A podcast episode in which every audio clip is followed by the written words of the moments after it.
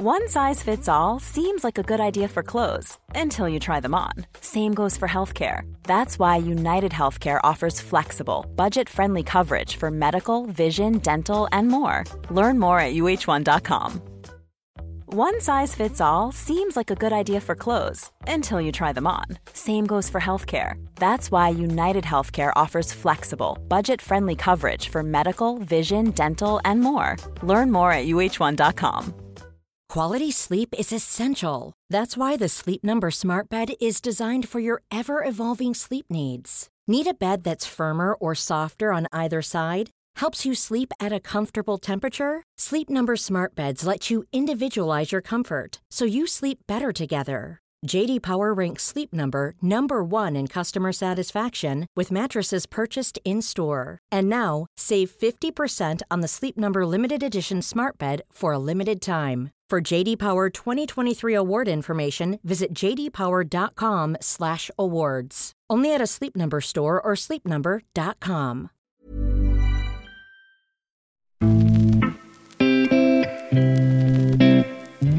Chansen för sitt nionde mål för säsongen, andra för kvällen mot Karlgren. En jätteräddning av Karlgren! Den reflexsnabbe AIK-målvakten tar hvis de holder fart og kadence her, Søndergaard! Storslået kommet ud af Patrick Karlgren, men sikkert en detalje. Christian Sørensen, oh, den bliver styret ind mod Karlgrens mål. Det er endnu en kæmpe redning. Og en redning, og det er helt, helt vildt. Salatel, der dukker sig ned og styrer den. Det.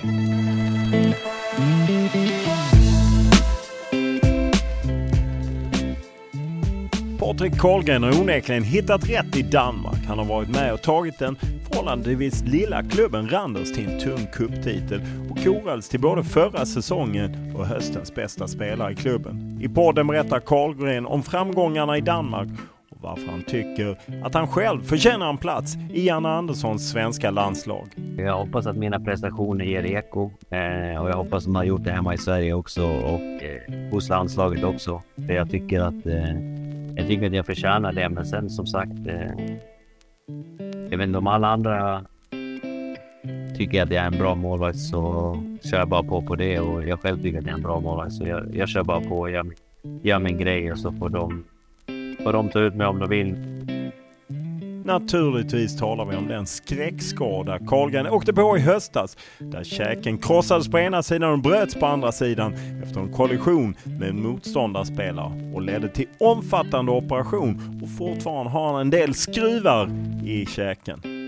Från den 47 minuten eller någonting så är det helt svart bara. Jag kommer inte ihåg någonting av andra halvlek eller någonting. Så kommer jag ihåg att jag vaknade upp i eh, ambulansen med min sportchef som sitter där bredvid mig. Eh, och så frågar jag bara, vad fan, vad fan har hänt?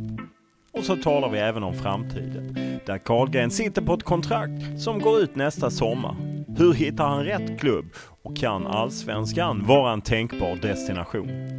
Det är klart att allsvenskan alltid finns i, i tankarna och speciellt från, från AIK, den, den eh, absolut den fina klubb man har varit i. Så det, det finns alltid där. Podden är naturligtvis mer än så här. Vi pratar om den struliga tiden efter AIK, där Karlgren fick gå klubblös under en tid. Och vi talar om hans utveckling som målvakt och den stämpel han fått på sig om att maska. Och så talar vi om den danska ligans nivå, känslan av att kunna slå storklubbar som FC Köpenhamn på fingrarna och om succématchen mot Leicester som ledde till stora hyllningar från Kasper Schmeichel. Men som vanligt börjar vi podden med en faktaruta.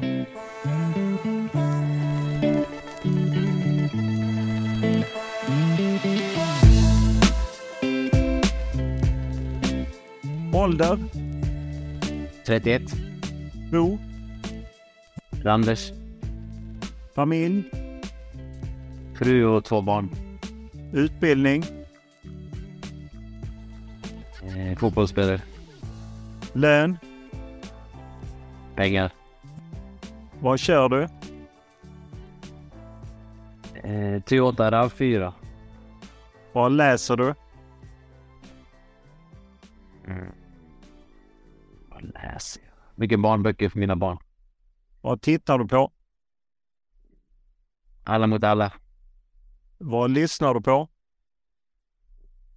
Sällskap. Vad spelar du på?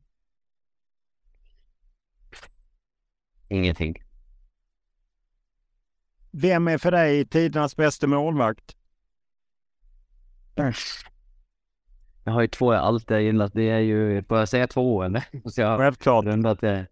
Eh, Buffon och van der Sar tror jag. Vilken är din största upplevelse i fotbollssammanhang?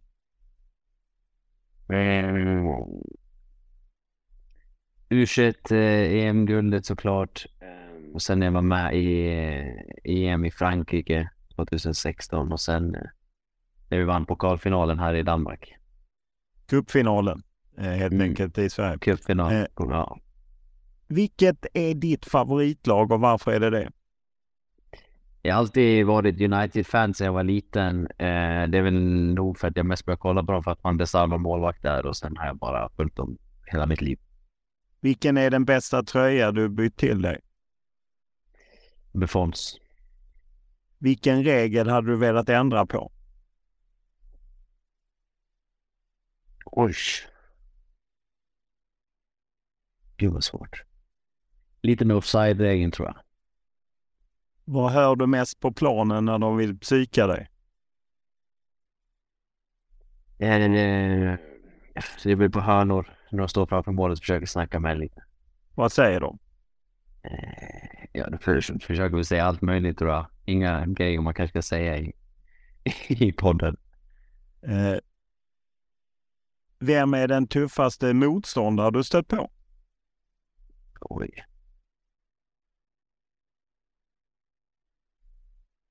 Tuffaste motståndare.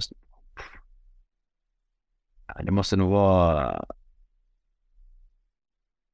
Usch, jag vet inte. Det var nog när jag spelade mot eh, Galatasaray tror jag. Den... Eh, jag spelade i cupen mot dem i Turkiet. Det var en jävligt tuff match. Vilken egenskap blir du avundsjuk på när du ser andra målvakter? Ingen alls. Hur ofta kollar du dina räddningar på Youtube för att komma på gott humör? Eh, inte på Youtube, men jag kan få dem skicka till mig från vår video ana, analytiker och eh, kolla lite på dem där. Mest för att se själv vad man gör för någonting och sånt efter matcher och sånt. Om du tvingas välja ett nytt jobb, vad blir det? Eh, advokat. Som alla fotbollsproffs har du handlat mycket grejer. Vilket köp ångrar du? eh, köp Det är väl någon, eh, någon jacka som, eh, som ligger där i garderoben som inte kommer jättemycket till användning. Vid vilka tillfällen ljuger du? Eh, Det är jag dålig på. Jag är dålig på ljuga måste jag säga. Eh, så det, det är väldigt, väldigt sällan jag har dåligt, eh, jag har dåligt pokerface. Eh, om vi tar bort idrott och hälsa, vad, är du bäst på, vad var du bäst på i skolan? Eh, bäst på matematik. När var du riktigt lycklig senast? Varje dag när jag är med min familj. När jag når dig i Randers så har ni ju inlett säsongen. Eh, den är ju, spelar ju höst-vår så andra halvan ni går in i slutspurt. Randers är på övre halvan och inlett rätt starkt. Det är ett kryss och, en seger och framförallt två nollor för dig. Eh, fortsatt bra stöt. Hur, hur är formen? Eh, jo, men det är bra. Eh, det är som du säger, det var en bra start på, på, ehm, på vad säger man, på våren här nere. Eh, så formen är bra, två nollor. Eh, då har jag gjort mitt jobb i målet i alla fall. Eh, sen bra försvarsspel har vi haft. Eh, så jag tycker att vi, vi känns starka. Eh, ligan är väldigt, väldigt tight eh, om man kollar på poängen. Eh, så jag tycker att vi, vi har fått en bra start. Vi avslutade inte så starkt eh, innan jul. Ehm, jag åkte på en rejäl skada eh, och eh, missade någon match där. Men eh, det känns bra nu och jag är jätteglad till att vara tillbaka och spela fotboll framförallt. Om man tittar tillbaka så är det ju ändå så du har mest nollor i, i danska ligan. Du har hög räddningsprocent, du kommer ofta med i rundens håll som det kallas, eh, veckans mm. omgångslag liksom och så. Vad är det som gör att det flyter på så bra? Eh, nej, men jag, jag, framförallt jag trivs väldigt, väldigt bra. Eh, jag har en stor eh, roll i laget. Ehm, klubben har trott väldigt mycket på mig och gett mig en stor, stort ansvar, eh, tränare och sportchef. Ehm, och eh, sen mina barn och min fru också har det väldigt, väldigt bra. Så jag tror också att det har man det bra runt omkring eh, så kommer också prestationerna på planen eh, därav tror jag. Eh, Känner du ett lugn också? Jag menar, du är lite äldre och så. Och, och och hur mycket påverkar det i så fall om man känner just ett lugn i, i karriären? Jag gissar att man när man är yngre så vill man kanske åstadkomma mer. Ja, absolut. Eh, jag tror nog också det. Sen eh, jag har, har jag gjort 100, jag har gjort över 170 matcher här och sen har jag gjort eh, över 70 matcher i, eller 75 i AIK eller något sånt där och sen eh, några i Nordsjön och Turkiet och det liksom, så det är klart att man har byggt på sig en en stark rutin och man vet, man känner sig själv så pass bra nu tror jag och det tror jag också gör att man, man är en bättre eh, målvakt. Eh, de säger ju att målvakter blir ju bättre med åren och det kan jag bara hålla med om att det är bara sant. Ge oss en bild av Randers. Utifrån sett så får man intrycket av att det är en lite mindre klubb och så, men vad skulle Randers motsvara i allsvenskan? Oj, nej men Randers är en liten eh, det är en, alltså, jag får säga, det är en liten stad. Alltså det kanske bor eh, mellan eh, 60 och 80 000 människor kan jag tänka mig. Eh, det är, vad ska jag, vad ska jag jämföra det med? Sirius kanske, kan jag göra det kanske? Sirius eller Halmstad eller något sånt? Ja, lite mindre. ja exakt, lite mindre så. Eh, sen de senaste åren har vi väldigt jag kom sommaren 2018 och sen eh, har det bara gått uppåt för klubben. De fick in en bra sportchef som har spelat fotboll på hög nivå själv. En tränare väldigt mycket, eh, Sören Pedersen. Eh, som han eh, haft en stark prov och satt sitt eh, lag och en fantastiskt bra tränare som har kommit in och vi har en otroligt bra gruppdynamik. Eh, så det är nog också där vi vinner. Vi har nog inte det bästa laget eh, fotbollsmässigt i Danmark, men vi har en otroligt eh, omklädningsrum och en otroligt bra tränare som har satt laget, laget ihop på ett väldigt bra sätt. Om man tittar på truppen, det är en del svenskar ju. Carl Johansson är, är väl ny och Hugo Andersson har ju varit där tidigare. Vad, vad betyder det att ni ändå är ett gäng svenskar i, i, i truppen? Även Adam Andersson. Ja, alltså när jag var här så var ju Joel Allansson och Mikael Boman var här när jag var här eh, först när jag kom. Men de lämnade ganska snabbt. Eh, de hade utlöpande kontrakt båda två och eh, båda två gick till Halmstad. Och sen var jag ensam svensk ett tag. Där kom Timo Tibbling ehm, och sen drog han och sen har ju Adam Andersson, nu Hugo Andersson och eh, Karl här, så det, det betyder mycket. Eh, vi, man har ju också roligt i omklädningsrummet och man kan prata lite svenska också ibland. Så sen eh, det är bara skönt att ha sin egen, ja, sin egen kultur, eller man ska säga, också i omklädningsrummet och kunna bolla med och snacka och ja, umgås med på sidan av fotbollen också. Men det är ändå lite fascinerande när man tittar in på, på truppen så är det ju väldigt många nationaliteter. Det är ju liksom verkligen inte bara danska spelare utan det är Nigeria och det är England och det är Tyskland och så. Hur, hur är det? Eh, nej men det är bra. Eh, jag känner ju också, vi har Alhaji Kamara, han spelade i Norrköping tidigare. Eh, han är också en fantastisk människa som också är en grym för omklädningsrummet och sen de tyskarna och en från Österrike som vi har, de, eh, ja, idag har de också varit här lång tid så de pratar, eh, pratar också eh, danska och förstår allting.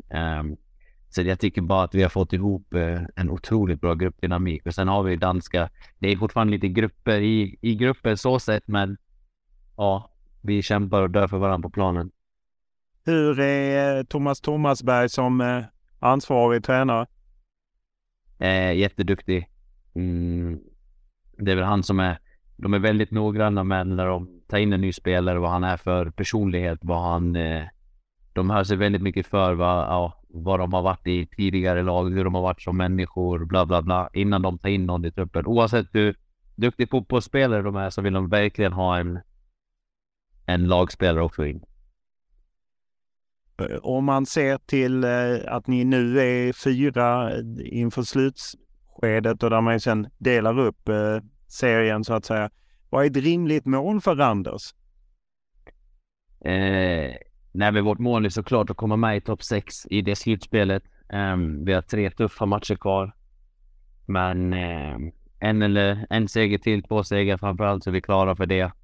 Ehm, och målet är väl att komma så högt som möjligt. Vi har kommit i topp 6 nu två år i rad och vunnit pokalen och varit ute och spelat i Europa. Så klubbens målsättning i sig är nog inte lika stor som spelarnas in i omklädningsrummet tror jag. Jag tror vi spelare har högre målsättning än vad, än vad klubben har någon gång. Förstår du vad jag tänker? Och eh, men det är bara skönt att se att alla har den motivationen och vill gå för så höga mål som möjligt. Och nu har vi kommit sexa så jag hade gärna kommit eh, fyra, tre, två, ett. Det hade varit väldigt, eh, väldigt roligt. Hur är det att tampas med lite större lag? Även om FC Köpenhamn har haft det lite tyngre så är de ju ändå en gigant så att säga. Värvar stora spelare. Mittjylland finns ju där och så. Hur, hur är det att tampas med de lite större som har helt andra resurser än vad Randers har? Eh, nej men det är klart, eh, det är tufft. Eh, de kan ju värva spelare som Randers aldrig kommer kunna göra för de summorna de, de köper och säljer spelare för. Eh, men eh, ja, jag vet inte, vi har, jag tror vi har slagit Köpenhamn kanske de två senaste åren tror jag vi har slagit dem fyra, fem gånger tror jag. Hur är den känslan när man snäpper till FCK? Nej, men det är bra. Sist i parken så låg vi under med 1-0. Det såg 0-0 i halvlek och så gjorde de mål ganska snabbt på en frispark från kant. Och så ledde de med 1-0 och så kokade hela arenan och sen eh, vände vi och vann matchen med 3-1. Så det var ganska tyst där inne på parken, så det var, det var en skön stämning. Eh, om man tittar in i Randers prisskåp så är det ju inte sådär jätteknökfullt av eh, pokaler. Eh, det är två cuptitlar och du var ju med och, och vann en cuptitel. Vad betydde det för klubben?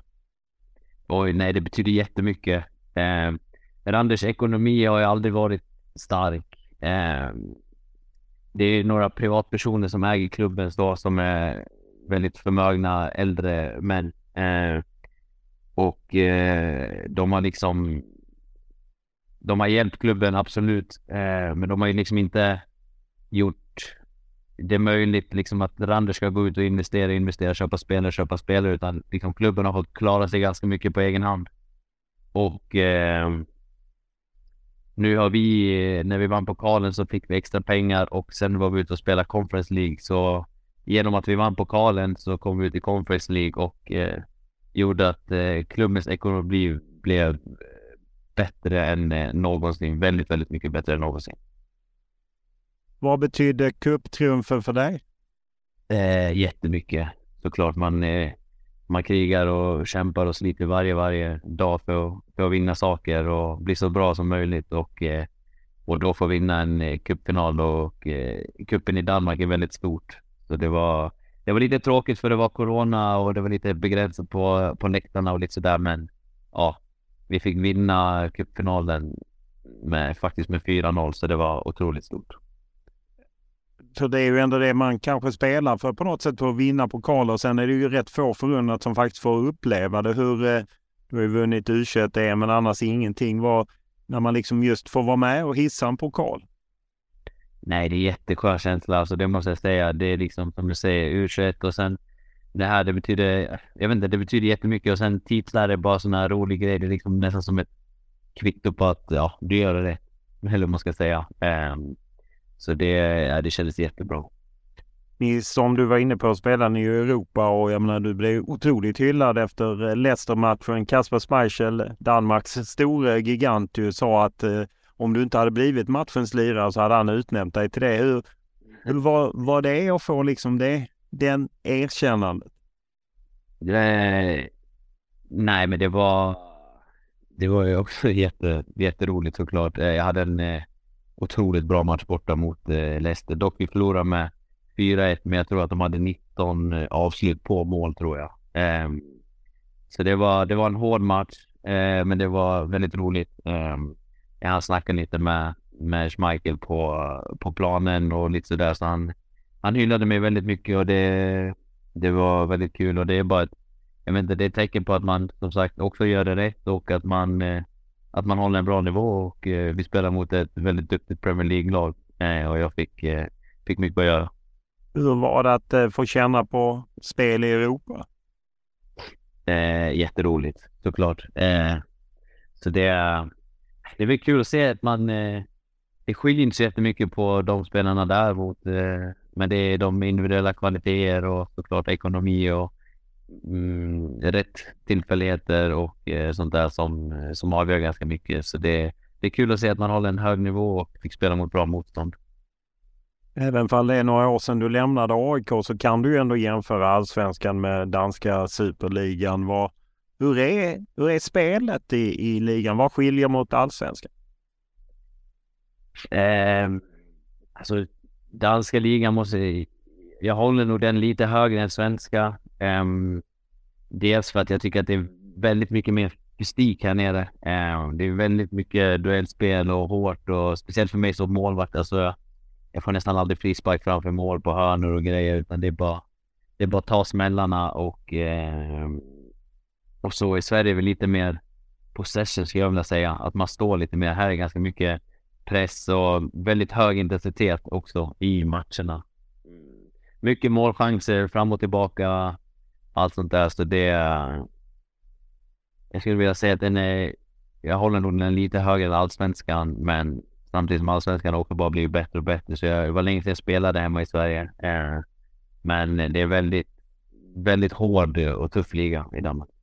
Just det här att man dels är färre lag än vad man är i allsvenskan. Eh, det lyfts ju ibland fram som att ett skäl till att, jag menar Danmark ligger ju rent statistiskt sett före Sverige om man tittar Uefa-koefficienten att de har, ligger betydligt högre än Sverige och då pekar en del på att det är färre lag. Tror du det är en bra grej att, att man skulle vara färre lag i Sverige? Eh, nej, jag vet inte riktigt. Eh, det är svårt att säga. Jag gillar ju också det här systemet som är här i Danmark, eh, men det är också. Det är väldigt speciellt det här liksom att det är 12 lag, sen delas det upp i sex lag och så. Alltså du kan ju liksom, ligger du sex eller sjua så kan du liksom åka ner i sämre slutspelet på grund av målskillnad eller på grund av liksom alltså ett insläppt mål eller ett mindre gjort mål eller någonting. Så det är väldigt små marginaler för att. Och sen liksom, jag vet inte om ska inte säga att motivationen går ur den, för du har fortfarande chans när du spelar under i slutspelet att möta dem i övre slutspel i en final. Um, men jag gillar verkligen, alltså varje match här nere, tre poäng betyder så, så mycket för att komma så högt som möjligt. Um, så är det svårt att svara på. Men det är liksom de har tagit bort de inom situationstecken sämre lagen och liksom gjort det lite mindre liga för att få så många bra lag som möjligt. Eh, och kanske bättre fotbollsmatcher. Um, ett svårt att svara på måste jag säga, men uh, jag gillar båda, jag gillar båda delarna.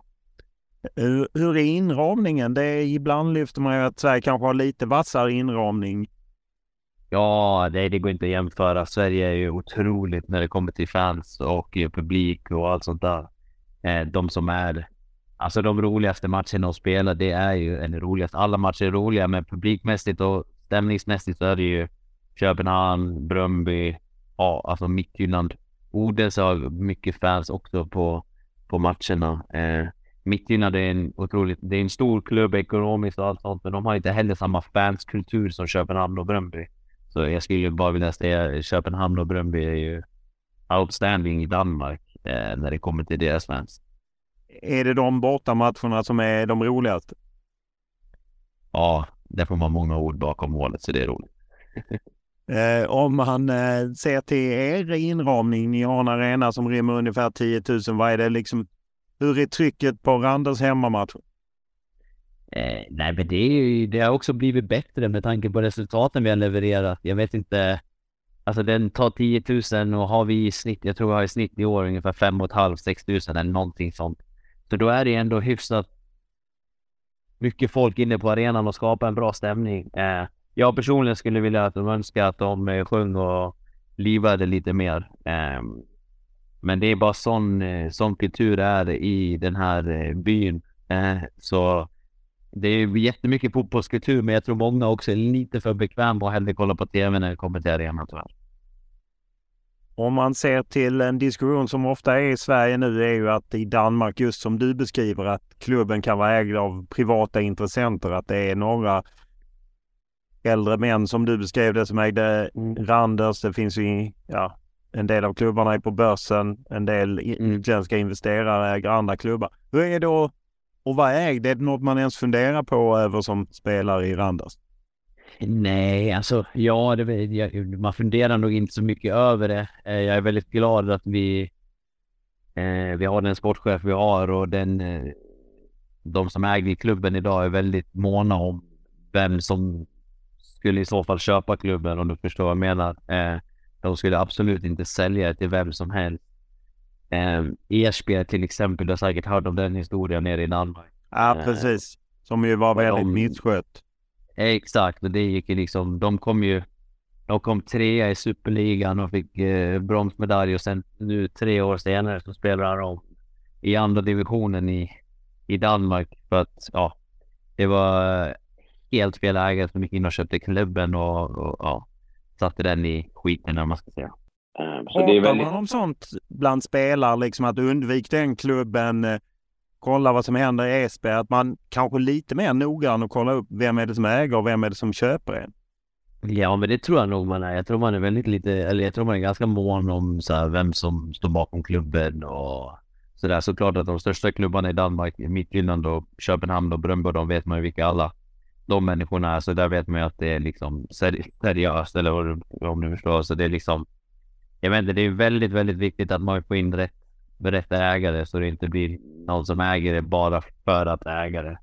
Eh, utan verkligen ska driva verksamheten på på det rätta sättet. Eh, jag vet ju liksom att många, jag vet att de som gick in och köpte Jesper till exempel, eh, vad jag förstod det som, så de var inte, var inte så intresserade av eh, deras egna liksom ungdomsakademi och verksamhet och spelarna som spelade i klubben, utan de var mer intresserade av att oh, vi ska hämta den spelaren, vi ska hämta den, vi ska hämta den istället för att titta på vad har vi här? Vad kan vi göra med det vi har idag? Och sen kanske plocka in någon enstaka för att göra det så bra som möjligt.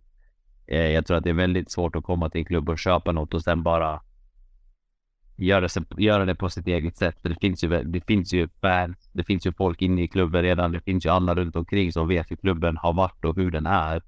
Och då skulle någon komma och köpa och bara göra en helt blockad så tror jag att det bara, då tror jag att det verkligen blir kaos.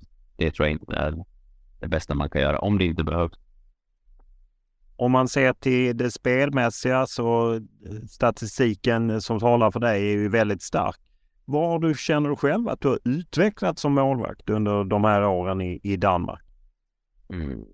Vi Jag har nog utvecklat det mesta tror jag, måste jag säga. Jag har nog utvecklats på alla plan. Dels att jag har eh, ja, men blivit bättre på att kommunicera, eh, jag har en bra position i målet, bättre i luftspelet i, i luftrummet, i, på hörnor, inlägg, allt sånt. För det måste du vara bra på i Danmark med tanke på hur fysiskt det är. Eh, spelet med fötterna har också utvecklats extremt mycket. Och sen har jag alltid varit en väldigt reaktionssnabb eh, målvakt, så det har jag nog bara utvecklat ännu, ännu mer och ja, försökt bli lite mer svårt att förklara, men lite mer stående på fötterna och försöka läsa situationerna ännu mer och, och eh, den har blivit eh, bra på en mot en situationer så det, det har tagit till en bra nivå. Hänger utveckling delvis på vilken målvaktstränare som är i en klubb eller tar man hjälp av, av någon annan eller hur, hur fungerar det när man liksom ska vässa sig själv som målvakt? Ja, nej, det är klart. Jag har en jättebra målvaktstränare idag. Um, sen hade jag ju också en fantastisk målvaktstränare i AIK när jag kom dit, i Lee Baxter och sådär. Eh, och sen var jag i Nordsjälland en sväng, hade en grymt bra målvaktstränare i Nordsjälland. Han drog, han är i Arsenal idag faktiskt. Ehm, eh, så man har ju haft många olika målvaktstränare på vägen och så tror jag att man har plockat lite, lite från alla. Ehm, och sen när man, man är ju sig själv sin absolut största egen utvecklare. Eh, och så plockar man lite från var och en vad man, vad man själv tycker passar sitt eget spel tror jag. Och sen eh, jobbar man bara stenhårt utifrån det. Och det är nog det jag har gjort mest. Att jag, är- väldigt seriös och jag har en väldigt stark tro på, på det jag gör tror jag. Du är ju som du sa i Fakta utan 31. Hur, hur behåller man motivationen eh, när man liksom blir äldre och för att fortsätta utvecklas? Eh, Nej, men jag tror motivationen är nog alltid där. För jag, dels att jag älskar att spela fotboll. Eh, och jag älskar att spela matcher. Och eh, jag tror min absolut starkaste motivation det är också att jag älskar att träna. Eh, och jag tränar extremt mycket på egen hand och eh, väldigt mycket fotboll. Så det är liksom motivationen har jag alltid, alltid haft det. Och jag tror att jag, jag tror jag alltid kommer ha det för, för fotbollen och förhoppningsvis kan spela så, så länge som möjligt. Eh, så motivationen är, har aldrig varit eh, något problem för mig. Så jag tror, jag tror jag bara blivit mer och mer motiverad eftersom jag har bara blivit bättre och bättre. Så tror jag att motivationen har bara kommit mer och mer. Jag gjorde ju en eh, poddintervju med dig. Det är väl nästan sju år sedan, 2016 i januari. Då berättade ja. du att du under någon tid tidigt i din karriär liksom var så driven att du närmast blev utbränd. Och, och hur kontrollerar du det idag så att du ligger på rätt nivå? Alltså har drivet men inte överdriver? Eh, nej, men det är väl också nej, på den tiden eh, innan jag flyttade till AIK där jag stod i, eh, var, var, var jag utbränd när jag, jag spelade med två fotbollslag och sen skulle jag jobba samtidigt. Eh, och eh, ja, så då var det lite mycket tror jag. Men jag tror också som sagt man har lärt känna sin kropp. Man vet idag behöver jag vila. Idag behöver jag det här. Sen, ja, allt möjligt. Det finns ju olika återhämtningssystem idag som man kan köra med allt möjligt med återhämtningsbyxor och massage och ja, isbad, bastu, allt möjligt. Så jag tror liksom att man har, man har lärt sig att känna sin kropp på en helt annan nivå vad, vad jag gjorde mot när jag var 17-18. Eh, så det är liksom, det går nog inte att jämföra på det heller. Och sen har man byggt upp en annan fysik idag så jag tror att jag tål så mycket, mycket mer än vad jag gjorde på den tiden. Hur mycket kör du återhämtningsbyxor och isbad och, den typen av grejer? Ja, det gör jag varje dag. Varje dag återhämtning eh, och bra kost och bra sömn. Så det är väldigt viktigt. Ja, för att jag vet, eh, du berättade ju också att du var väldigt försiktig med alkohol i, i podden och jag menar då var det ju Ludde Augustinsson och John Guidetti hade väl någon period när han inte liksom drack och tränade mycket och jag menar ni var ju en generation unga spelare som kom fram där. Hur, hur är det idag? Nej, men det måste jag säga, det är nog eh, såklart eh, man är äldre. Jag kan ta ett glas eh, rödvin när jag äter middag med min fru och sådär och sen eh, när jag har eh, längre uppehåll, till exempel ett långt vinteruppehåll eller ett långt sommaruppehåll så är det klart att jag träffar mina vänner och eh, går ut och käkar och har det kul liksom. Så det, men det är väldigt, väldigt, väldigt sällan på ett helt år måste jag väl säga. Det kanske är två, tre gånger max. Men det är inte under säsong som du är inne på nattklubb eh, i nej. loss? nej, nej, nej, nej, nej. Det är, det är inte så mycket till nattklubb i den här stan ska jag säga. Eh, rollen som målvakt är ju ofta rubriker. Jag vet även när du var i AIK var det ju snack om att du la dig ner och filmade lite. Jag såg att du blev anklagad för samma sak i Danmark nu också. Att de, eh, du är, kö, utnyttjar den du har tagit det tricket till Danmark också.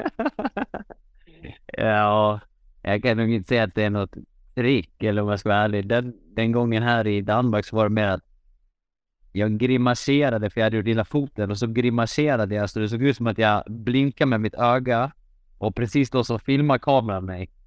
Jag, jag, jag liksom, jag biter ihop med, eller, ja, med munnen och så blundar jag mina ögon och så precis då kommer kameran och filmar mig. Det blir en jättestor scen att jag har lagt mig ner och ja, drog ut på tiden. Vi ledde med 1-0, men jag förstår inte varför jag skulle dra ut på tiden. Det här var i 54 minuten tror jag någonting, så det var liksom inget, inget snack om någon tidsbedrivning heller. Var det inte så att du satte det lite i system i AIK och sen tagit det vidare då alltså? Nej, nej, nej, inget sånt där. Alltså man måste ju, som fotbollsspelare handlar det om att vinna fotbollsmatcher och det är det som är det viktigaste. Ja, och då kan man ibland behöva jobba klockan, eller? Ja, jobba klockan, men då eh, måste man göra det på ett smart, smart sätt och inte, inte göra sådär som jag gjorde i 54 minuten. Men sen när det börjar närma sig 90, 89-90 så kan man börja tänka på det lite mer. Ja, för visst kan du ändå lägga dig ner. Jag menar, det ser man ju målvakter när de räddar ja, ja, ja. inget skott så lägger de sig ner ungefär som att det kom ett kanonskott. Ja, men där har vi en eh, fördel som målvakter att eh, spelet kan inte fortsätta och vi ligger ner.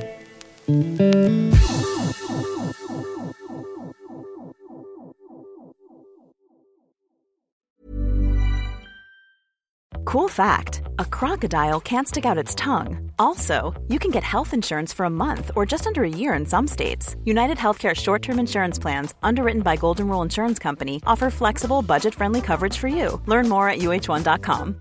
This is Paige, the co-host of Giggly Squad, and I want to tell you about a company that I've been loving, Olive and June. Olive and June gives you everything that you need for a salon quality manicure in one box. And if you break it down, it really comes out to $2 a manicure, which is absolutely insane. It's also so easy to get salon worthy nails at home with Olive and June. The difference between how your nails used to look when you did them yourself and now with the Manny system is a complete game changer. The best thing about Olive and June too is it's a quick dry, dries in about one minute, lasts for five days, and full coverage in up to one to two coats. Visit oliveandjune.com slash perfect Manny 20 for 20% off your first system. That's oliveandjune.com slash perfect Manny 20 for 20% off your first system. Millions of people have lost weight with personalized plans from Noom, like Evan, who can't stand salads and still lost 50 pounds. Salads, generally, for most people, are the easy button, right? For me, that wasn't an option. I never really was a salad guy. That's just not who I am. But Noom worked for me. Get your personalized plan today at Noom.com. Real Noom user compensated to provide their story. In four weeks, the typical Noom user can expect to lose one to two pounds per week. Individual results may vary.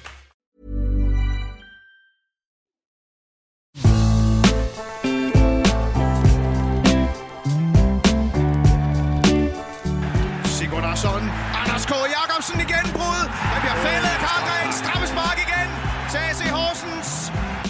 Mads Olsen, fysioterapeut i, i Randers FC. øh, kan du give os en status på, på Patrick Karlgren? Det kan jeg. Altså senest nyt er, at han er kørt til scanning nu i forhold til at tjekke brud på kæben. Og ellers så er det en hjernerystelse, øh, som vi også altså, mistænker jo. Ellers så er nakken ok, og han er ved bevidsthed og har det efter omstændighederne fint.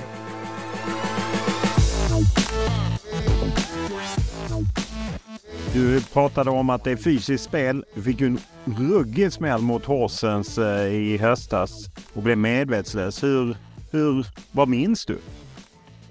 Ja, det var en, eh, ursäkta mitt språk, men det var en jävla omgång. Eh, jag kommer faktiskt inte ihåg någonting. Eh, det här hände i minut, vad var det, minut 60 tror jag eller något sånt där. Och det enda jag kommer ihåg det är att jag är inne i halvlek.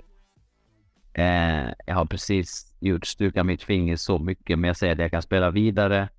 Så kommer jag ut och sen från den 47 minuten eller någonting så är det helt svart bara. Jag kommer inte ihåg någonting av andra halvleken. Där någonting så kommer jag ihåg att jag vaknade upp i eh, ambulansen med min sportchef som sitter där bredvid mig. Eh, och så frågar jag bara, fan, vad fan har hänt? Men jag kan inte, jag kan inte prata, jag kan inte stänga munnen, jag kan inte göra någonting. Jag bröt ju, ena sidan så bröt jag käken kan man säga. Eh, och på den andra sidan så krossades hela käken.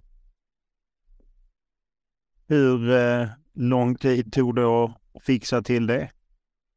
Eh, och de sa operationen skulle, innan de hade öppnat upp och sett exakt hur det såg ut eh, mot röntgenbilderna så sa de ungefär en operation på två timmar. Men jag tror den slutade på fem och en halv eller något sånt där. Men det var liksom på ena, på min högersida på käken så var det som ett, ett pussel. Eh, de skulle hitta varje bit och sätta tillbaka. Så det var, det var en lång operation. Eh, min fru fick till och med vända med barnen på sjukhuset och sa att ja, det kommer ta lång tid innan det är färdigt och du kan bara åka hem igen. Så hon åkte hem med barnen igen och sen ja, kom tillbaka sen.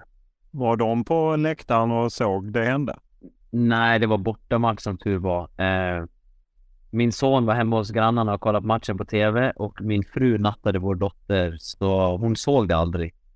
Eh, men däremot när hon hade nattat klart vår dotter och kom ut igen eh, till grannen så alla bara var helt tysta och chock och de hade liksom fixat och pusslat och meckat ihop så grannarna tog barnen och den ena grannen körde min fru till sjukhuset till mig.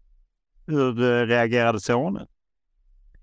Eh, han är fem nu, men han var nog ganska chockad. Eh, han såg ju att jag mådde inom situationstecken okej, okay, att jag eh, var sådär. Eh, de sa ju också till honom, de ville inte skrämma upp honom, men han, han var väldigt chockad. Mest när jag kom hem från operationen så var han lite rädd eh, att se mig, för jag var helt jag var också upp, som liksom, ja, som jag vet inte vad. Det är ju dryga tre månader sedan. Hur funkar käken nu? Mm, nej men det funkar bra. Um, jag har fortfarande sju metallplattor och 24 skruvar eh, inne i käken. Men eh, jag tycker det funkar bra. Men det som är lite jobbigt är väl fortfarande lite med nervsystemet och allt runt omkring med känseln på vissa ställen och sånt där som inte riktigt är ja, du har ingen känsel? Du har ingen känsel? Nej. Så... Nej, på vissa ställen. Och sen ja, där metallplattorna sitter och skruvarna sitter så står det lite speciellt. Och sen kan jag inte, jag kan inte öppna munnen hundraprocentigt som jag har gjort tidigare. Till exempel du ska äta en, du vill äta en hamburgare så är det lite problem att ta den där stora, stora tuggan. Eh, men det, de säger att det kan ta upp mot två år för att få den känslan tillbaka. Sen är det bara ja, jobba med det varje dag. Jag gör lite käkövningar och lite sånt där. Vad sa Rossens spelaren?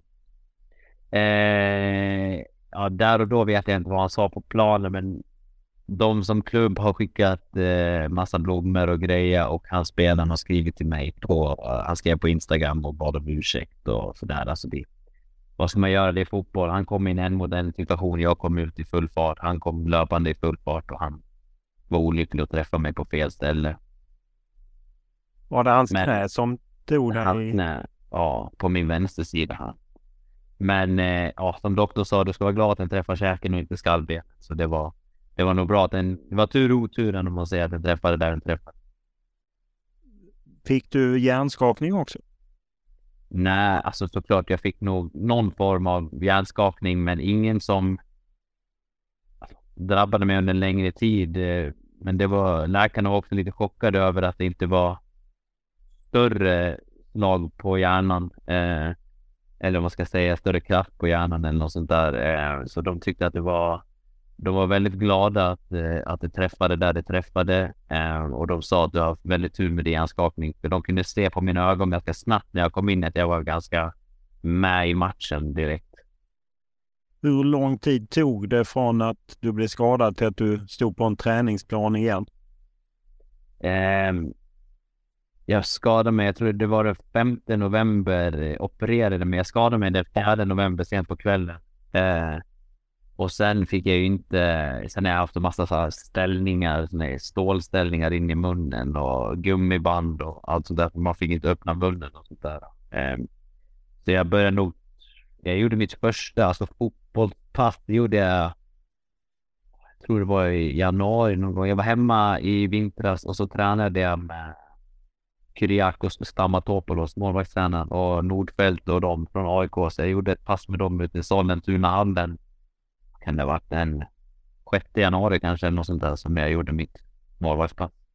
Hur eh, påverkar rädslan för eh, skada sig igen att spela, att gå in som målvakt? Nej, men det har gått bra. Jag har haft några sköna dueller i träning och lite sånt där innan jag gick in och började, innan ligan startade. Några så här en mot en och lite sånt. Vi var på träningsläger i Turkiet och eh, jag fick ett, eh, ja, de, de, eh, våra forwards hade avslutningsövning så de spelade bara sådana här cutback och sen eh, sköt de på, på en touch. Det gick ut, gjorde mig stor så fick jag en boll rakt i, rakt i ansiktet. Så då det första jag bara kände på det var okej, okay, käken är okej okay, så då är det, då är det lugnt. Så det, jag har fått några omgångar. Är du inte rädd alls? Nej, ingenting faktiskt. Jag tror det är bra för jag kommer inte ihåg någonting bra situationer. Så jag tror nog eh, det kan nog vara det kan nog vara det bästa att jag inte kommer ihåg så mycket. Randers har ju varit en klubb där rätt många svenska spelare, allt från Kalle Jonsson, Mikael Ishak och liknande på något sätt kommit efter utlandssvängar som inte lyckats och sen gjort bra ifrån sig, sen studsat eh, vidare. Du förlängde ditt kontrakt till 2024. Vad har, vad har det funnits för anbud att gå vidare? Eh, ja, nej men det, jag, jag valde nog att förlänga mitt kontrakt. Dels för att jag ville känna uh, lite mer trygghet efter allt man hade varit igenom med lite kaos från AIK, lite kaos från uh, Turkiet och lite så här studs mellan klubbar och så. Och Sen var jag Anders och jag trivdes väldigt, väldigt bra. Så sen eh, hade jag fått mitt första barn och min fru och vi trivdes så bra så vi tog nog en beslutning och sen klubben visade i sin tur en så stark tro på mig och gav mig ett väldigt bra kontrakt som var väldigt eh, attraktivt så jag kände att eh, det här måste jag nog säga ja till. Dels för att klubben visar att vi kommer tro på dig Kagen, du kommer köra. Eh, och då vill jag också känna det att eh, då ger det tillbaka och så satsar vi fullt ut och sen efter det så har vi haft succén med pokalen och Europaspel och allt sånt där. Så det var nog, det var nog mycket det att jag hade, jag trivdes så bra. Jag kände den trygghet jag gjorde och det, det tror jag har bara hjälpt mig till det goda och det är det jag är väldigt glad för det beslutet jag tog att jag förlängde mitt kontrakt. Eh, sen har jag haft samma. Jag har haft lite erbjudande här och där, du vet jag, men jag har varit och testat på det i Konya och lite sånt där i, i Turkiet och så, men jag, jag har känt själv att jag, eh, om jag ska vidare så vill jag att det ska vara väldigt bra och eh, det ska vara bättre än det jag har idag. Vad betyder den skatterabatt som man har i Danmark och som man ju förlängt liksom att man kan utnyttja? Vad betyder den lönemässigt för dig? Hur står sig då Randers lön? Eh, nej men en eh, Anders lön, alltså min lön står sig eh, väldigt bra. Eh, måste jag ändå säga. Eh, och eh, som du säger, att vi har den här, eh, vad ska man säga, skatte artistskatt eller vad man vill kalla den för. Eh, så det vi har den i sju år i Danmark. Nu har de ökat den till tror jag. Så det är klart att det är, inte är klart att det är en fördel när man bor här och eh, utländskt spelar fotboll här liksom så. Men eh, jag vet inte, det är klart att det är en, en extra, en extra lön i fickan när man inte betalar så mycket skatt så, men det är nog, för mig handlar det mest om det fotbollsmässiga, att det kändes så bra och så så mycket matcher jag fick spela och utveckla så mycket som jag gjort. Så det var nog absolut det som tog det, tog det bästa beslutet. Eh, det är ju ingen hemlighet på något sätt att eh, målvakter har lite svårare att, komma iväg och jag menar ut om man ser från allsvenskan och man ser att ibland så strandar man. Jag menar inte ens Robin Olsen får ju stå hela tiden utan snarare tvärtom så att det är ju lite svårare. Hur, hur funderar du kring det? Är det? Var det det som också väger över att här i Randers vet jag att jag är given? Ja, absolut. Eh, det måste jag nog säga. Jag bytte, jag, jag, har, jag bytte agent till Hassan eh, Settinkaya och eh, känt han under en längre, längre period. Han har varit med i branschen väldigt, väldigt länge, så vi tog nog det beslutet ganska gemensamt. Eh, de fick behandla ett kontrakt och jag fick eh, ta, prata med min fru och sen sa jag att jag, jag vill spela fotboll. Eh, och eh, spela fotboll, det får jag verkligen, verkligen göra här i i Anders och i Danmark. Ehm, så det var nog mest det det handlade om där och då. Uh, och jag ville bara, jag ville bara spela fotboll och det, det är det jag gör nu. Uh, så det är det jag är väldigt glad för det Du hade ju när du lämnade som bossman, det var 1860 München, det blev Nordsjälland kortkontrakt, sen blev det Konya som du själv har pratat om. Hur, hur mycket den tiden där det var svårt att hitta rätt, hur mycket har du med dig det? Eh, Ja, men det har jag väl absolut måste jag säga. Det är ju extremt mentalt tufft. Eh, och eh, sen är det klart att eh, det som hände när jag lämnade AIK, det var ju liksom inte, jag vet inte. Det var inte mitt eget fel eller vad man ska säga. Ibland som fotbollsspelare så styr man inte allt man tänker och tycker och säger själv, utan det är liksom folk runt omkring också som, som är med och har sitt, sitt spel i det hela. Um, men eh, jag vet att de som, de som vet när jag lämnade AIK vet att det, det var på, på ett annat sätt än vad jag ville i alla fall. Så det var liksom, eh, så var det då. Eh, men nu så gick jag till Nordsjälland, eh, fick spela bra matcher där och sen fick jag vidare till Konya och sen det var extremt mentalt tufft. För det var ju liksom, jag lämnade min comfort zone i AIK. Eh, jag spelade liksom alla matcher, jag eh, var första målvakt där. Jag var med, liksom med u landslaget Jag var med i A-landslaget och eh, allt sånt där. Och sen det är klart att det, sen var allt det från en dag till en annan så var det helt plötsligt bara helt borta. Eller man ska, hur man ska uttrycka sig. Ehm, det är klart att det var tufft mentalt och det man gick igenom. Men samtidigt så all den tuffa tiden har ju också gjort en till den människa man är idag. Jag ångrar absolut ingenting jag har, jag har gjort i min fotbollskarriär. Ehm, jag är väldigt glad att det jag har gått igenom har gjort mig till ja, framförallt också en bättre människa och den pappa och den man och allt jag kan vara idag också. Eh, så det har nog stärkt mig på den mentala sidan väldigt mycket. Hur är den världen ändå med liksom där man ju på något sätt blir en handelsvara och där man kanske är i, ja, det kan vara allt från agenter och sportchefer och andra som har olika och, och, på något sätt man flyttar. Hur är, hur är den världen när man kanske inte har full insyn som fotbollsspelare? Alltså det är ju väldigt speciellt. Alltså fotbollsbranschen är ju väldigt speciell och den är väldigt tuff. Eh, det är en ganska brutal bransch vi, vi lever i varje dag. Eh, för det är som du säger, man blir ju nästan som en, en handelsvara. Såklart att man har kanske, om det är en klubb som kommer och säger att ja men eh, whatever. Någon klubb från ett land jag absolut inte vill flytta till så är det såklart att jag kan säga nej. Eh, det är klart att jag hade kunnat sagt nej till Konya om inte jag hade velat flytta dit. Men nu fick jag ett så bra upplägg och jag fick liksom ett bra kontrakt och sportchef, president, allihopa hade stark tro på mig själv. Men sen två veckor efter jag hade kommit dit, ja, hux flux så var de borta. Så hade jag då var de två inte kvar, de två som ja, ville ha dit mig, om man säger så. Sen veckan efter kom det en ny sportchef och så skrev de på ett nytt kontrakt med den målvakten som redan var där. Så det är klart att då börjar man ju tänka tankar och så börjar de där tankarna gå i huvudet. Så det är liksom, man är väldigt, eh, fotbollen är en brutal och en tuff värld. Liksom. Hur eh, visade Konja att de inte ville ha kvar dig? Eh, nej, men jag hade också i mitt kontrakt som jag skrev på eh, så hade jag att om, om jag inte startade 20 matcher från start så kunde jag bryta det kontraktet. Sen när säsongen började närma sitt, slu, eh, sitt slut i maj där så pratade jag lite med klubben och sen eh, de ville få in en turkisk målvakt. De ville inte lägga en eh, någonting på en utländsk målvakt där och då. Eh, det året vi var där så höll de på att åka ut ligan också.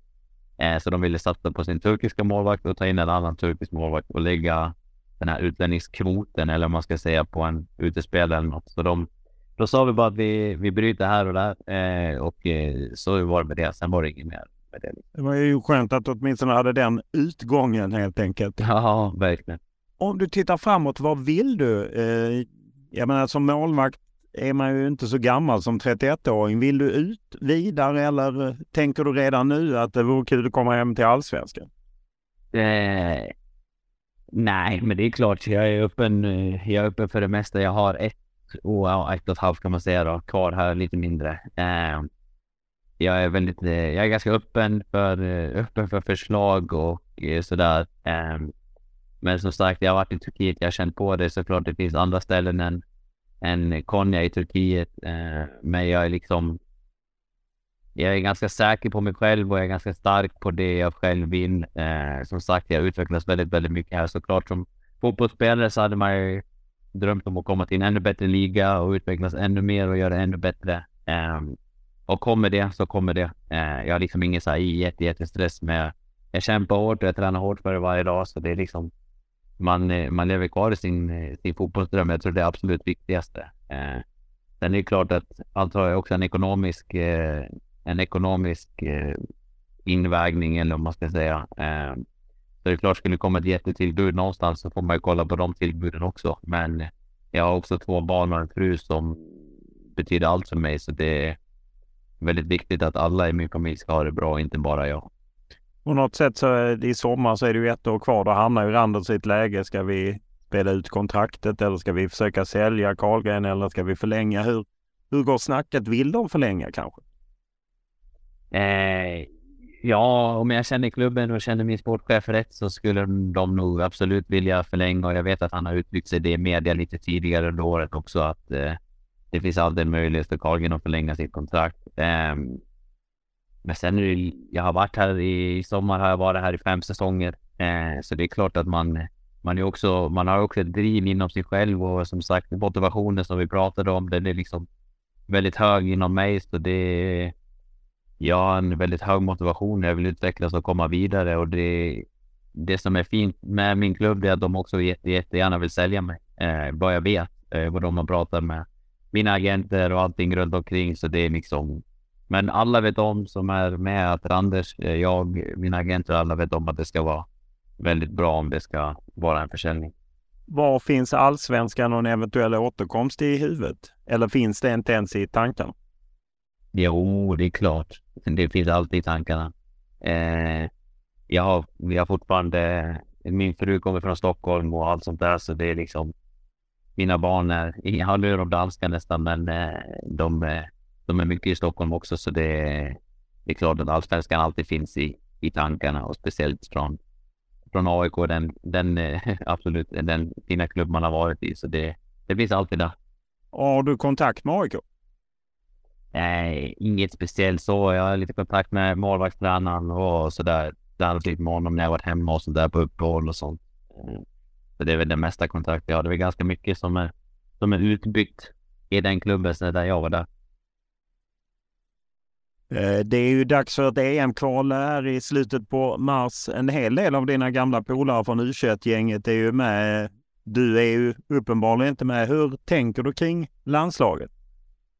Eh, ja, nej, alltså jag vill... Eh, det är klart att eh, man vill alltid vara med. Eh, och sen eh, speciellt när man har gjort det som du själv säger och som jag tycker så att jag har gjort det väldigt bra så är det klart att man vill, man vill alltid vara med men eh, det är, det är tuff konkurrens och det finns många duktiga målvakter där ute. Ehm, men jag spelar ju av de målvakter som vi spelar med så spelar jag en väldigt bra eh, liga och jag har en väldigt hög ranking i den här ligan och har gjort det bra under en lång, lång tid. Så det, det är klart man vill vara med och sådär men det, det är inte jag som bestämmer det. Det är Janne och de runt omkring. Eh, du var ju med i, gjorde ju landslagsdebut i Abu Dhabi, höll nollan i 3-0-seger och sen var du med i EM-truppen 2016 eh, och eh, under Erik Hamrén och sen kom Janne Andersson in och du var ju med där i november när Sverige spelade Frankrike väl? Och... Ja, jag var med där. Jag tror jag var med hans två eller tre första samlingar. tror jag. Ja, precis. Så du var med när det var en träningsmatch i Ungern när Kribba Nordfeldt fick stå istället? Precis, liksom. precis. Exakt. Och det var nog många som trodde att du skulle stå. Hur, hur minns du själv det att du sen bara försvann liksom? Eh, ja, nej men sen kom ju allt, eh, lite kaoset med AIK. Sen hade jag ingen klubb där i januari, eller man ska säga, så kom januari-turnén.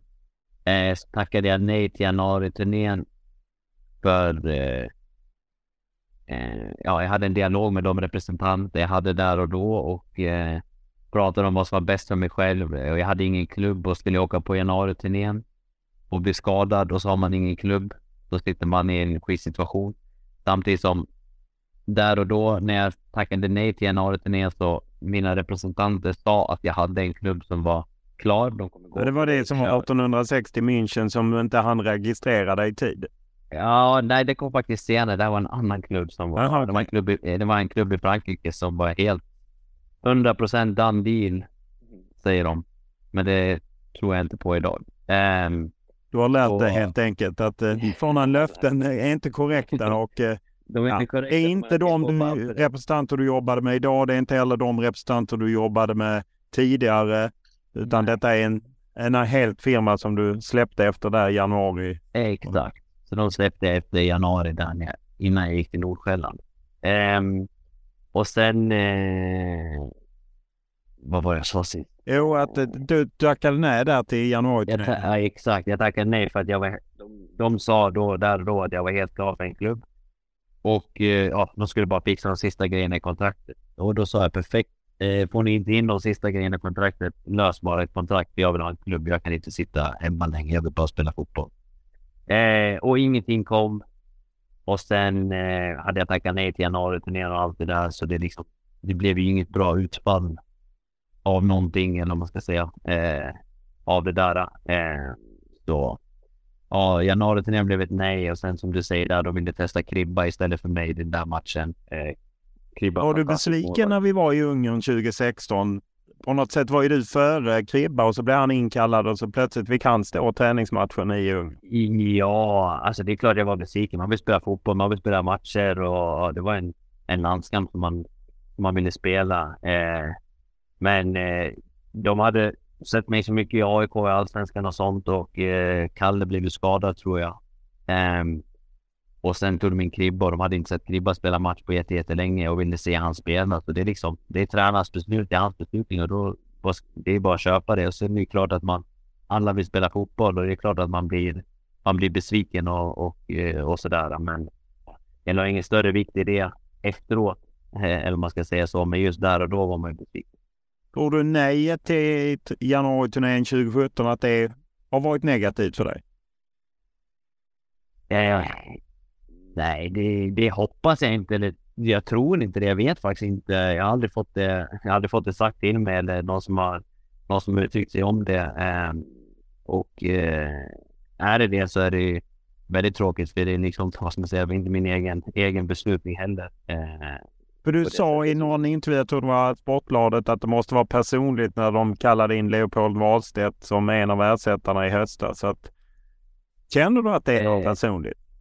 Nej, det, nej, jag vet inte om det är något personligt. Det, det tror jag verkligen inte. Och det, jag har inte gjort någonting personligt så. Det enda jag gjort på slutet och varför jag själv tyckte att jag skulle vara med, det är nog för att jag presterar på så väldigt, väldigt hög nivå under en lång, lång tid. Eh, så det är nog mest det som är mitt egna argument och om det inte är mina prestationer var inte bara jag tycker utan det är folk runt omkring som hör av sig och frågar varför jag inte är med och det är liksom men det är bara Janne och de som bestämmer och det är liksom det kan inte det kan inte jag eller någon annan göra någonting åt men fotbollsmässigt så har jag presterat väldigt, väldigt bra så ja.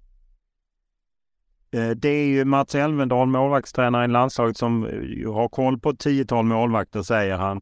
Har du hört av någonting från Mats Elvendal? Har han liksom varit i kontakt med dig och sagt slipa på det här eller du är nära eller? Nej, jag har inte, jag har inte pratat med honom på, på ett tag. Eh, pratade med honom eh, för något år sedan när jag var här i Randers. Eh, men sen har jag inte hört så mycket från dem på det, på det sättet. Så och inte Janne heller? Nej, ingen, jag har inte haft någon kontakt med landslaget. Så, så att eh, du hoppas men eh, lite gett upp, eller? Nej, jag har absolut inte gett upp Olof. Det ska man absolut aldrig göra. Man ska aldrig ge upp eh, någonting inom, eh, inom sig. Eh, jag, eh, jag, hoppas, eh, jag hoppas att mina prestationer ger eko eh, och jag hoppas att de har gjort det hemma i Sverige också och eh, hos landslaget också. För jag tycker att eh, jag tycker att jag förtjänar det. Men sen som sagt, eh, jag vet inte om alla andra tycker att jag är en bra målvakt så kör jag bara på på det och jag själv tycker att jag är en bra målvakt så jag, jag kör bara på och gör min, gör min grej och så får de, får de ta ut mig om de vill. Vill de inte det så, så behöver de inte det. Men jag kör på och gör min grej och det är deras, det är deras beslutningar och det kan jag inte, det kan jag inte ändra på. Snackar du något med Victor Nilsson Lindelöf, Ludvig Augustinsson och de gamla U21-killarna som är med i A-landslaget?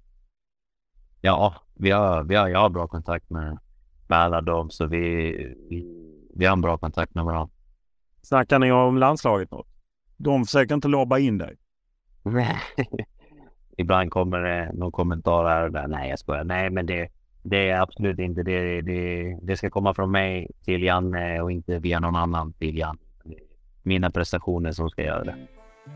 Jättebra. Stort tack för att du ställde upp. Tack själv, Olof.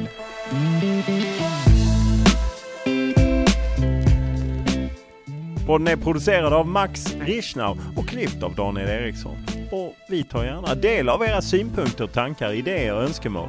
Ja, vad det nu må vara. Enklast är att mejla mig olof.lund.tv4.se eller skriva till mig på Instagram eller Twitter och då är det Olof Lund som gäller i ett ord. Stort tack för den här veckan.